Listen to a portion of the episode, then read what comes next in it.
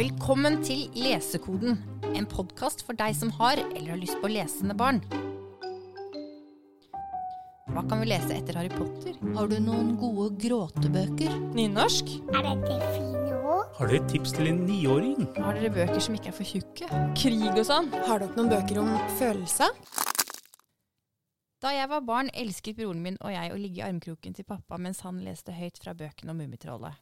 Jeg husker ikke så mye av innholdet, men lyden av pappas stemme og følelsen av at vi tre dro ut på en reise sammen, er et minne jeg kan hente fram og lukte på den dag i dag.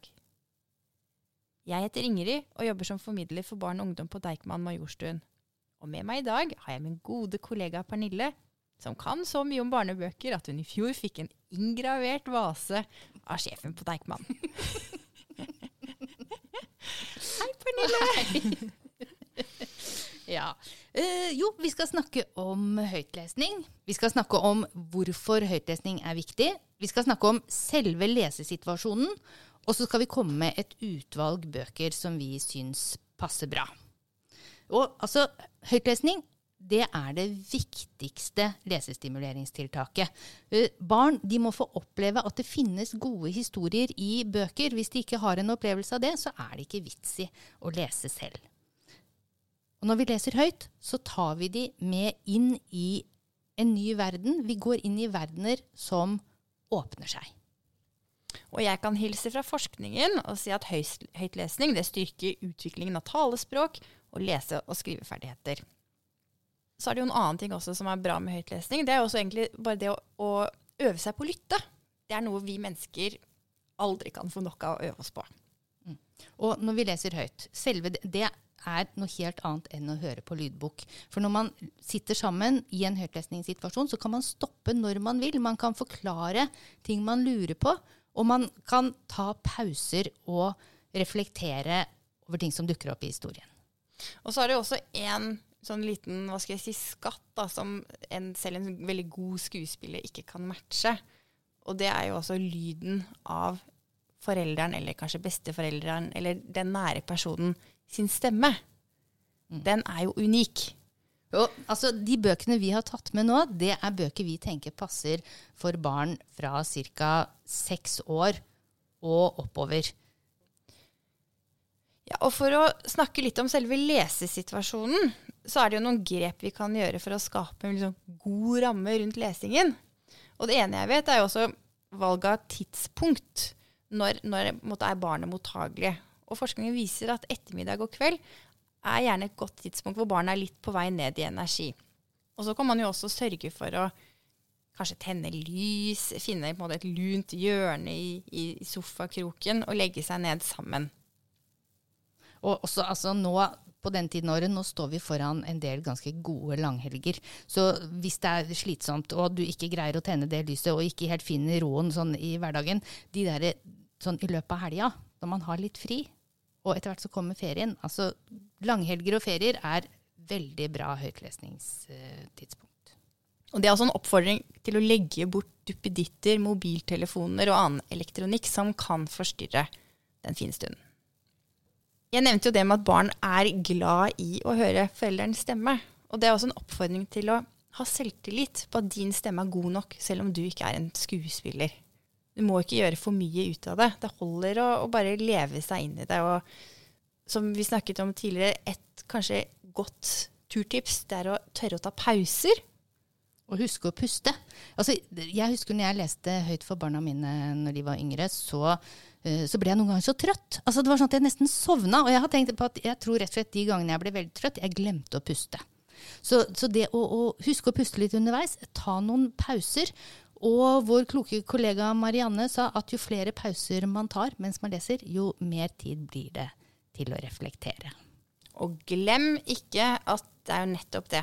Det å snakke om teksten, gå ut av selve handlingen, det er veldig lov i høytlesning. Og man kan også hoppe over ting. Hvis du sitter der med noen unger, og plutselig i teksten så er det ting du ikke har lyst til å si høyt, hopp over det. Du bestemmer selv hva som skal komme ut av munnen din. Merker du at eh, partneren din begynner å kjede seg, gjør det raskere. Ta et lite sammendrag. Det er lov å ta veldig mange kunstneriske friheter når man leser høyt sammen. For å snakke om bøkene vi har med oss her i dag, eller for å begynne å snakke om dem, så har vi gjort det ut ifra et slags kriterium. Vi kommer ikke til å snakke om de, måte, de åpenbare klassikerne.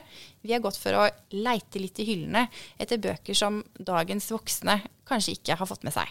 Ja, Dette er bøker som har kommet eh, de siste ti årene. Noen er litt eldre, men vi tenker at de som er foreldre nå, de husker veldig godt bøkene fra sin egen barndom, og så har de kanskje ikke fått med seg alt som har skjedd siden da. Og det har kommet veldig mye bra i løpet av de siste ti årene, og barn de trenger samtidslitteratur. De trenger fortellinger som handler om den verden som omgir oss akkurat nå. Og det er det vi har plukket ut litt av. Vi har tenkt høytlesningsbøker for de litt større barna. Og det å fortsette å lese høyt etter at barna har begynt å lese selv, det er viktig. Så altså, Den første boka jeg har liggende her nå, den er av Helena Hedlund. Den er oversatt fra svensk, og den heter 'Det fine med Kjersti'. Kjersti er syv år, og hun går på skolen. og denne her, det er sosialrealisme. Den beskriver verden slik vi kjenner den. Og barn på syv-åtte år de vil føle seg tror jeg, på mange måter beslekta med Kjersti. Altså, Hun sitter fast i et vennskap som hun ikke kommer ut av. Og det er et vennskap som hun egentlig er ferdig med. Hun, hun, har vokst fra det vennskapet, og så slipper hun på en måte ikke ut av det. Det tror jeg er en situasjon veldig mange mennesker kan kjenne seg igjen i, uavhengig av hvor gamle de er. Eh, og så dukker det opp i, her i, nabohuset dukker det opp en ny gutt som begynner i klassen hennes. Og når de leker, altså Den skildringen av lek som er i den boka her, den tenker jeg er uh, virkelig, virkelig bra.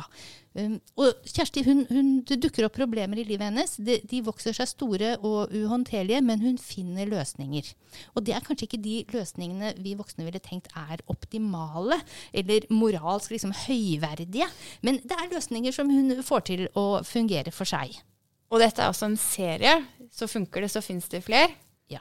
Liker man denne boka, så fins det flere. Og tilleggsinfo. Forfatteren Helena Hedlund hun har mottatt mange priser for sitt forfatterskap. Den første boka jeg har valgt å snakke om, heter 'Milla bestemmer' av Selma Lønning Aare.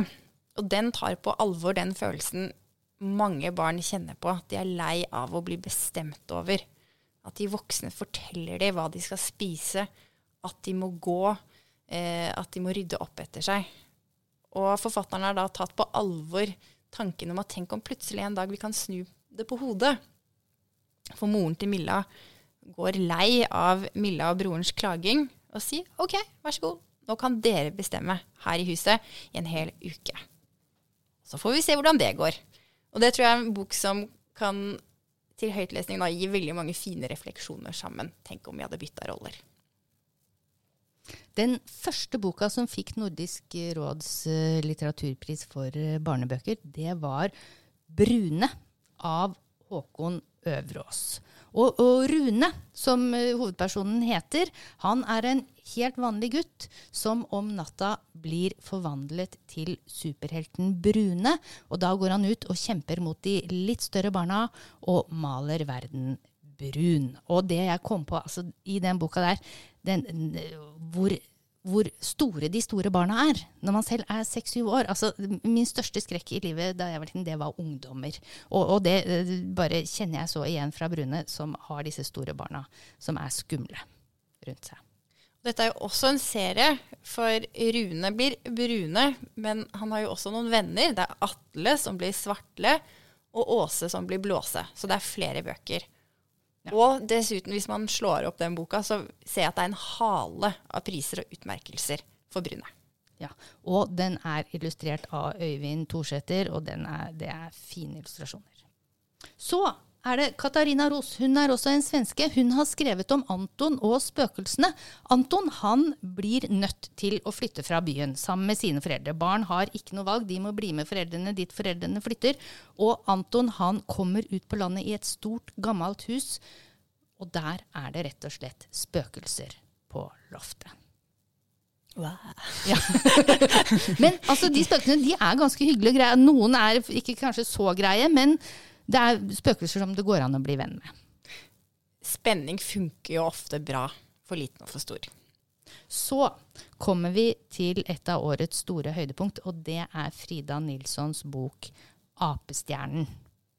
Om Jonna som bor på barnehjemmet og en dag blir hentet av en gorilla. Som blir hennes fostermor, og som tar henne med til, eh, til den skraphandelen hun driver ute på søppelfyllinga. Og dette her, det er en bok i altså den store barnelitteraturtradisjonen. eh, hvor vi har Lindgren og, og Prøysen, og vi har eh, altså barnelitteraturklassikerne. Roald Dahl og, og de vi kjenner. Men det som, altså, det som er fascinerende med den boka, her, det er at verden er litt snudd på hodet. For den som er uh, helten her, det er jo gorillaen og Jonna, som driver denne lille virksomheten ute på på søppelfyllinga. Og den som er skurken, som, som, som virkelig skal ta rotta på dem og, og kjøpe opp søppelfyllinga, det er i andre bøker tidligere så ville det vært de som skulle bygge supermarkeder og kapitalistene som kommer for å fortrenge de små. Mens her er det faktisk kommunen. Den sleipeste skurken i denne historien, det er Tord. Han er kommunearbeider, og han kommer og vil eh, ha tak i denne søppelfyllinga, for han vil bygge et offentlig bad. Men likevel, det er den lille eh, det er den lille aktøren eh, vi holder med, uansett hvem skurken er. Og noen kan kanskje få en forventning om at eh, den, som denne gorillaen skal på en måte tilpasse seg og på en måte begynne å vaske seg, og, og det er hun som skal forandre seg. Men det skjer liksom noe magisk som handler om å kanskje ikke forandre seg. Ja. Altså det som, Gorillaen forandrer seg ikke. Hun, hun fungerer jo helt fint sånn som hun er. Men det som forandrer seg, det er Jonnas blikk på henne. Og da jeg leste denne boka, så var det et, et sånn gammelt norsk ordtak som bare sto klarere og klarere for meg. Og det ordtaket det er at det som er kjært, det er alltid vakkert. Og det ordtaket det, det klang på en måte inn i, i denne boka, og den er, den er rett og slett veldig, veldig rørende og morsom. Og alle foreldre gjør lurt i å forberede barna sine på ikke å skamme seg over foreldrene sine. Ja. og noe annet eh, som er bra med den boka, den er, den er ikke sånn kjempetjukk. Den, den har ikke noen sånne voldsomme dimensjoner. Den, du leser den ganske kjapt hvis du, hvis du har lyst til å ha noe som ikke tar så lang tid. En annen bok som er ny, den er stor og omfangsrik og oversatt fra nederlandsk. Den er skrevet av Annette Schaap, som både har skrevet og illustrert. Den heter 'Lampe et sjøsalt eventyr'. Denne boka, det, den er magisk. Eh, Den er nydelig, den er tragisk, den er trist. Den starter veldig, veldig vondt. Altså, Lampe og faren hennes eh, bor ute i et fyr ute i, med havkanten.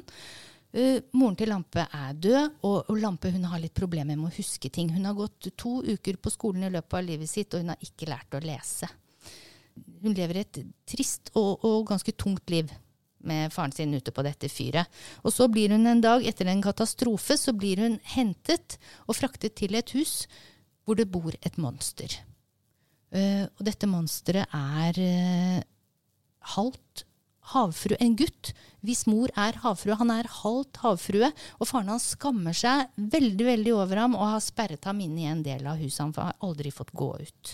Og til dette huset kommer Lampe, de blir venner, og, og det, det bare åpner seg opp en sånn nydelig vennskapsfortelling. Og selv om den er utenfor tid og rom, så vil jeg si at dette her er samtidslitteratur. Fordi selv om de markørene vi kjenner fra verden rundt oss ikke er med, det er ikke mobiltelefoner, det er, det, ikke? Det er, det er ikke en moderne verden, men det er en sånn type fantasiverden. Men allikevel så, så klinger vår samtid inn i det ved at de prøvelsene Lampe møter i livet, de, de, de oppfattes i lys av vår tidsånd på en eller annen måte. Og så bør vi jo alle være forberedt på en dag å faktisk møte en halv havfrue eller havgutt. og ta det som det kommer. Kim Leine er en veletablert uh, forfatter av voksenbøker. Han har faktisk vunnet Nordisk råd litteraturpris. Um, han er norsk, dansk og til dels vokst opp på Grønland. Og har nå begynt å skrive uh, bøker for barn som tar oss med til hans rike i Grønland. Og det er veldig fine bøker hvor vi tar inn is og snø og en litt annen virkelighet, hvor bl.a. hunder og det å kjøre hundeslede er en del av hverdagen. Og i boka 'Jenta som kunne snakke med hunder' blir vi kjent med Sofie, som som mange andre barn er opptatt av hunder. Og hun mener at hun har en god forståelse av hunders språk, og at hun kan forstå dem. Og det stemmer nok til dels, men hun blir også advart mot å gå til trekkhundene. Fordi de kan være farlige. Og så skjer det som ikke skal skje. Hun går bort til en trekkhund som har valper. Det er en slags spoiler, men jeg sier det likevel. Og så blir hun bitt av den hunden. Og som forelder så vet jeg at det å lære barna sine opp til å ha respekt for hunder og være forsiktig, eh, ikke være redd, men ha den forsiktige tilnærmingen, det er veldig viktig. Og det er en bok som kan gi veldig fin, et fint eh, utgangspunkt for å samtale om det. Så han har en annen bok som heter 'Mirakel i snøhulen', som er en vakker beretning om det å skulle få et søsken til i familien, og dramatikken som kan oppstå med det, og spesielt når man bor på et sted som er vær- og vindutsatt, og hund eller hundeslede er et transportmiddel. Jeg har også tatt med en bok om, om hunder. Det er en av Liv Frode som heter 'Jakob og hunden', og den starter den starter på en måte to ganger, og den starter veldig trist begge gangene. Den, første begynnelsen det er eh, en gammel dame som har en hund, og så dør den gamle damen. Og hunden rømmer hjemmefra, løper ut i skogen og blir en villhund. Dette er prologen. Så kommer vi til første kapittel, og det, det starter om mulig altså enda tristere ved at Jakob, som jo har en hund som han har vært glad i hele livet, og som har vært hans følgesvenn fra han var liten, han våkner opp en morgen og hører ikke en lyd fra hunden sin. Det er blitt helt stille, og hunden hans har dødd i løpet av natten. Og Jakob blir helt knust. Han savner hunden sin så grusomt. Foreldrene hans vil at han skal få seg en ny hund og, og, og på en måte trøste ham med det, men det går ikke. Jakob han orker ikke tanken på å bli så lei seg en gang til, og han føler at han svikter hunden sin hvis han skulle fått en ny, så han vil ikke ha en ny hund. Men en dag så sitter den løshunden som stakk av i prologen, sitter på trappa hos Jakob, og først så prøver han å jage den, men etter hvert så begynner han og, og prate litt med den. Og så gir han litt mat, og så flytter den inn til Jakob. Og hvordan det går med Jakob og hunden, det må man bare rett og slett lese den boka for å finne ut. Det er en bok om håp, tror jeg. Ja. Og for alle som har hatt hund, eller ønsker seg hund. Jeg kom egentlig på et stalltips dersom man er i, um, i den situasjonen at man gjerne skulle hatt en høytlesningsstund, men ikke har en bok for hånda. Da er det å snakke om gamle dager.